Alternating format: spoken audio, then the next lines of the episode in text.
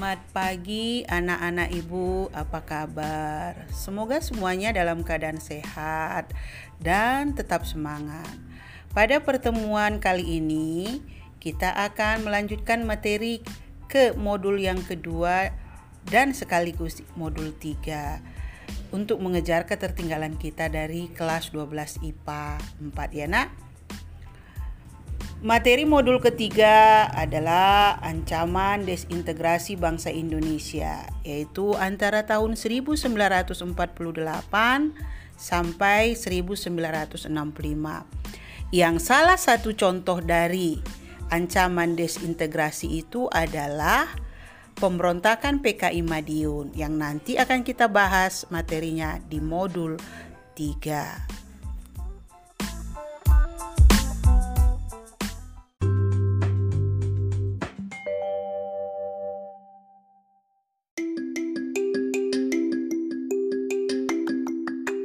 Setelah kita merdeka, ancaman yang dihadapi bangsa Indonesia itu ada dua. Pertama, ancaman yang berasal dari luar, yaitu masuknya tentara sekutu yang ternyata ikut membonceng tentara Nika. Tentara Nika ini adalah tentara yang dibentuk oleh Pan Mok di Australia dan ingin kembali menjajah Indonesia. Yang kedua, dari dalam, yaitu timbulnya pergolakan atau pemberontakan yang mengancam persatuan dan kesatuan bangsa Indonesia. Sehingga ini disebutlah ancaman desintegrasi bangsa Indonesia. Desintegrasi artinya perpecahan. Antonim antonimnya itu integrasi, yaitu penyatuan. Ya, pemberontakan tentunya bisa melemahkan dan mengancam keutuhan atau kedaulatan suatu bangsa. Nah, jika kita perhatikan sampai dengan saat ini masih ada ancaman desintegrasi bangsa Indonesia. Misalnya, yang nyata kita lihat adalah gerakan OPM atau Organisasi Papua Merdeka di Papua. Kalau kita perhatikan atau kita baca dari media massa bagaimana OPM itu di sana melakukan teror, kemudian sabotase, bahkan mereka membakar atau membunuh orang-orang yang dianggap mereka sebagai pendatang sehingga menimbulkan kekacauan dan ketakutan yang sangat besar bagi orang-orang pendatang yang tinggal di sana. Oke, supaya lebih gampang memahaminya, jika dilihat dari luang lingkupnya, pergolakan atau pemberontakan yang terjadi antara tahun 1948 sampai 1965 itu secara garis besar dibagi tiga. Yang pertama itu pergolakan yang berkaitan dengan faktor ideologi. Ideologi itu kan kita artikan pandangan hidup, paham, isme, keyakinan. Nah, contohnya itu ideologi ada Pancasila, komunisme, sosialisme, pasisme, dan lain-lain.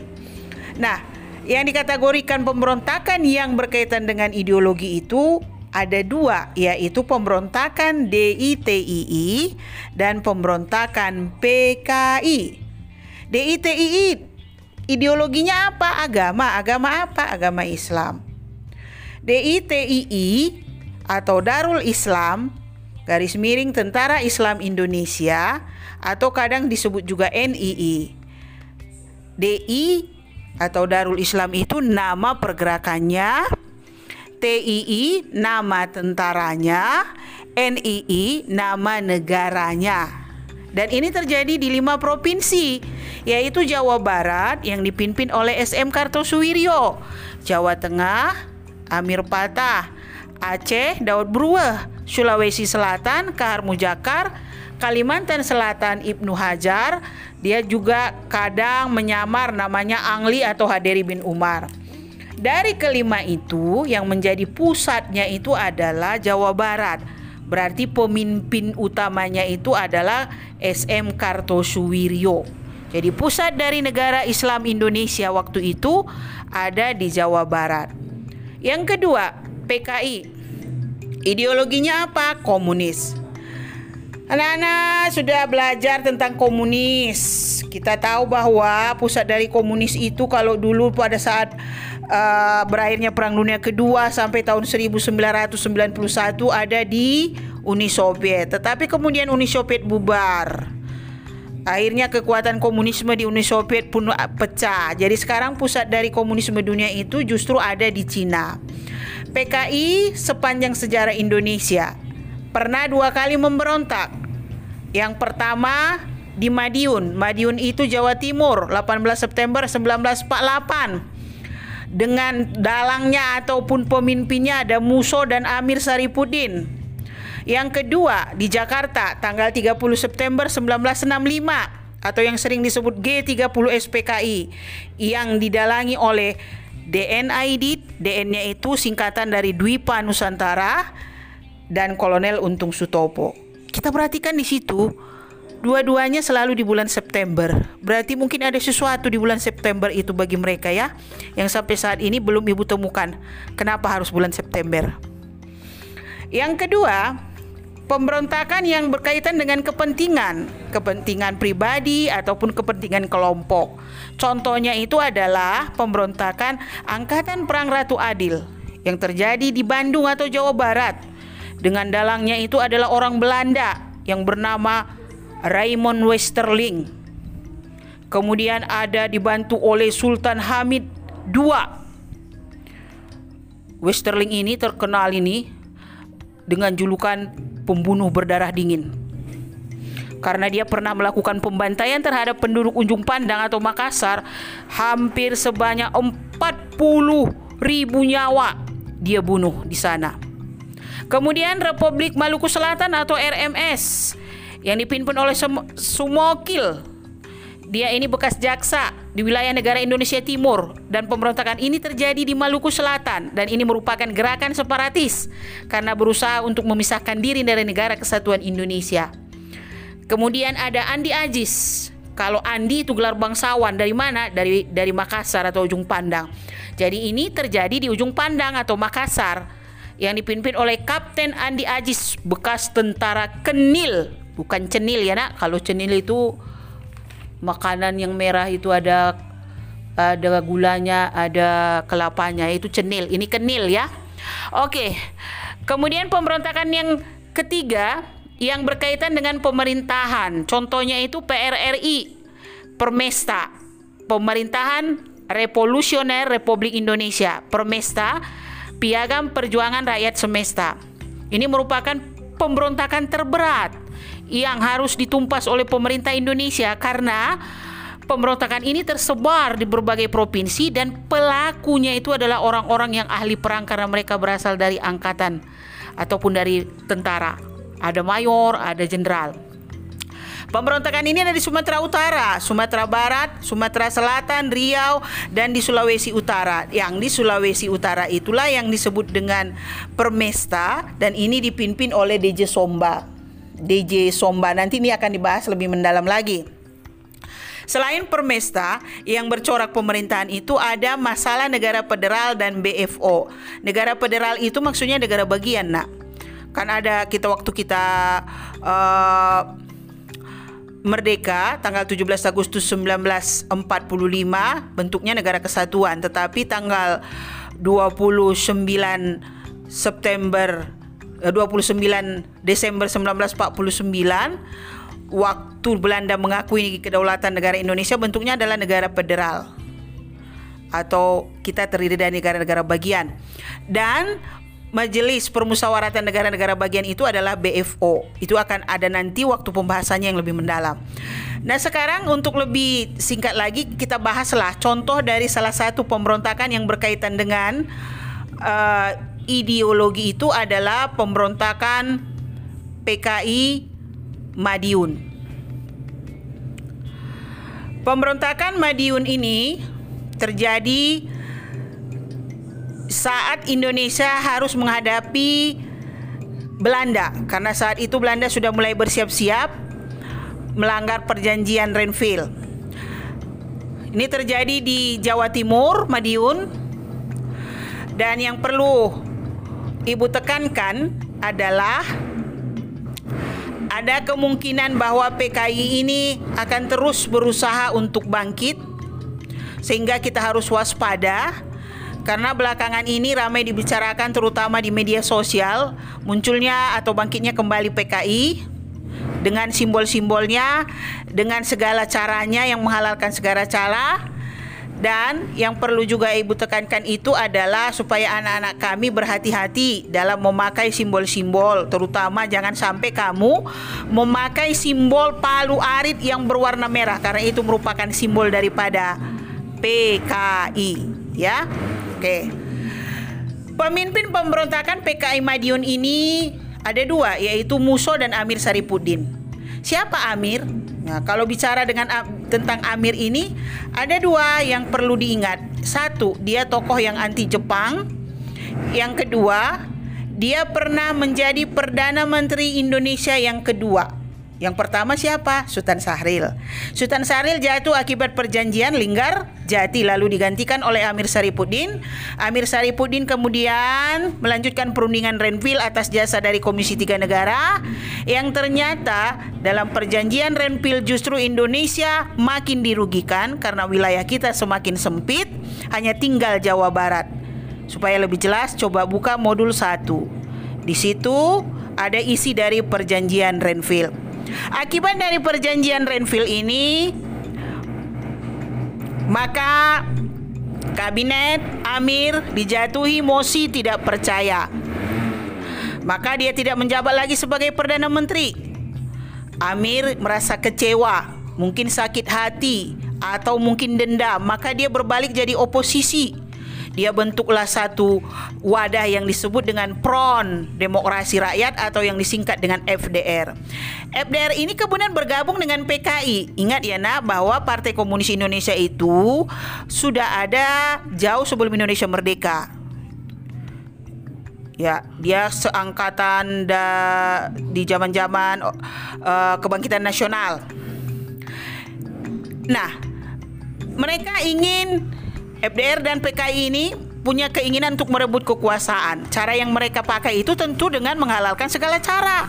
Maka mereka melakukan propaganda anti pemerintah, lakukan teror, sabotase, menghasut kaum buruh, petani, menangkap dan membunuh orang-orang yang tidak sejalan dengan mereka. Bahkan ulama-ulama ditangkapi, dimasukkan ke dalam kuburan massal.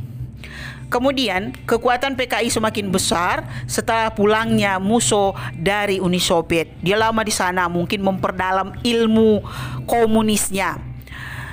Lalu dia bergabung dengan PKI, diangkat menjadi ketua dan dia menyatakan bahwa supaya PKI itu kuat, maka mereka harus satu tidak ada lagi organisasi yang berbau komunis selain PKI. Nah, PKI di bawah pemerintahan Muso, di bawah kepemimpinan Muso, meningkatkan aksi terornya, mengadu domba, meneror semakin semakin sering dan puncaknya tanggal 18 September 1948 Muso dan pendukungnya memproklamasikan berdirinya Republik Soviet Indonesia yang mungkin meniru seperti Uni Soviet. Beberapa pejabat TNI, alim ulama, atau yang dianggap musuh dibunuh. Dan reaksi daripada Soekarno ketika mereka memproklamirkan berdirinya Republik Soviet Indonesia ini, Soekarno langsung berpidato.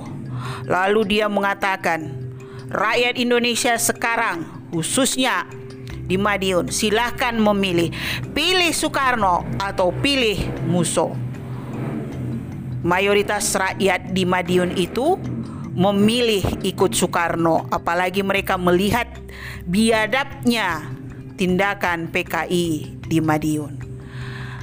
Nah, pemerintah walaupun saat itu TNI sedang menghadapi Belanda tetapi pemerintah mampu bertindak cepat. Maka diutuslah Kolonel Gatot Subroto yang sewaktu itu sedang bertugas di Jawa Tengah dan Kolonel Sungkono di Jawa Timur untuk menjalankan operasi penumpasan. Hanya butuh waktu 12 hari. Cepat sekali. Kota Madiun dapat dikuasai kembali.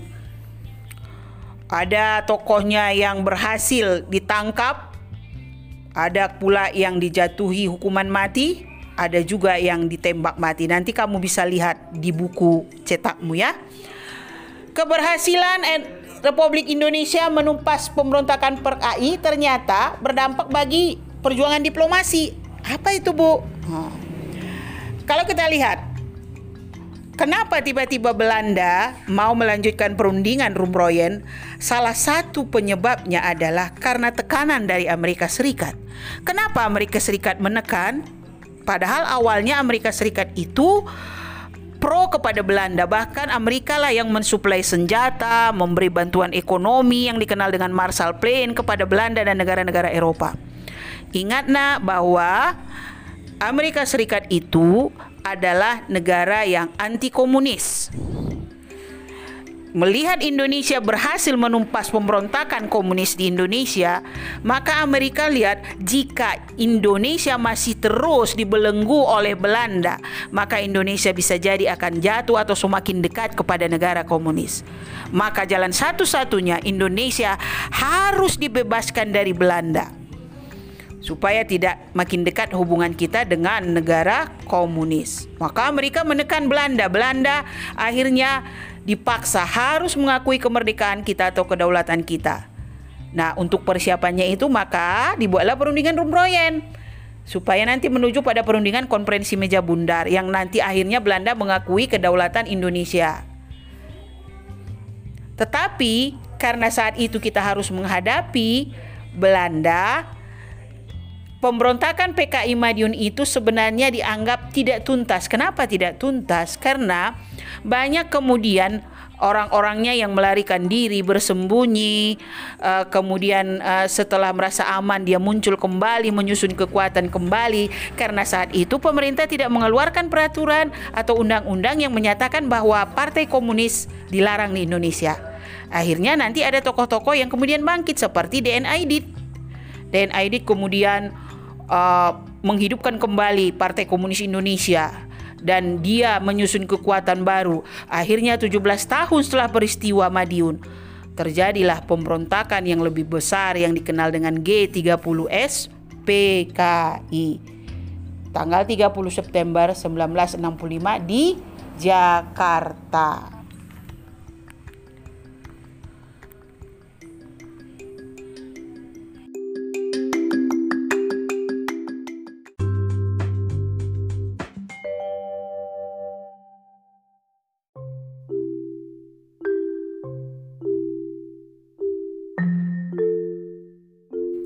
Kesimpulannya bahwa dilihat dari pengalaman sejarah bahwa ideologi memang yang sesuai dengan bangsa Indonesia itu adalah ideologi Pancasila. Tidak ada ideologi lain yang tepat dengan bangsa Indonesia karena bangsa Indonesia itu adalah bangsa yang multi budaya, multi keyakinan multi etnik, multi uh, tingkat sosial.